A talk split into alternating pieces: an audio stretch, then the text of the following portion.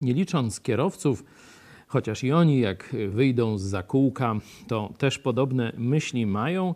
Wszyscy zachwycamy się piękną zimą tego roku. Widzimy i śnieg, i mróz, i szron.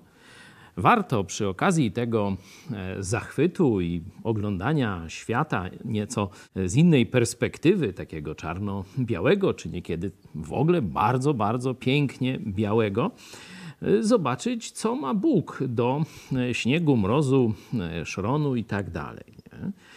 Na pewno wiecie, że w Biblii bardzo często do tej bieli, jaką daje śnieg, porównywane są różne rzeczy, przede wszystkim nasze grzechy, jak śnieg wybieleją, kiedy przyjdziemy do Jezusa Chrystusa, kiedy zawołamy Jezu, zbaw mnie. Ale chciałem jeszcze Wam pokazać bardziej e, taki bezpośredni związek Boga ze śniegiem.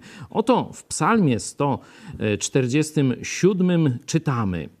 On daje śnieg jak wełnę, szron jak popiół rozsypuje, rozrzuca grat swój jako kruchy. Któż ostoi się przed Jego mrozem? Posyła słowo swoje i sprawia roztopy. Zobaczcie, że za wszystkie te zjawiska pogodowe bezpośrednio według psalmisty odpowiedzialny jest sam Bóg.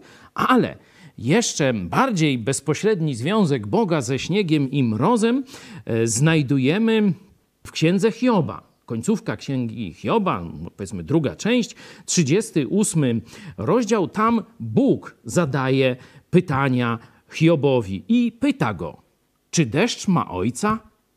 A kto zrodził krople rosy? Z czyjego łona wychodzi mróz? A kto zrodził żron niebieski? Wody twardnieją jak kamień, a powierzchnia toni tężeje. To pytanie Bóg też zadaje Tobie. Warto, żebyśmy zachwycając się pięknem, wychwalali też Jego autora.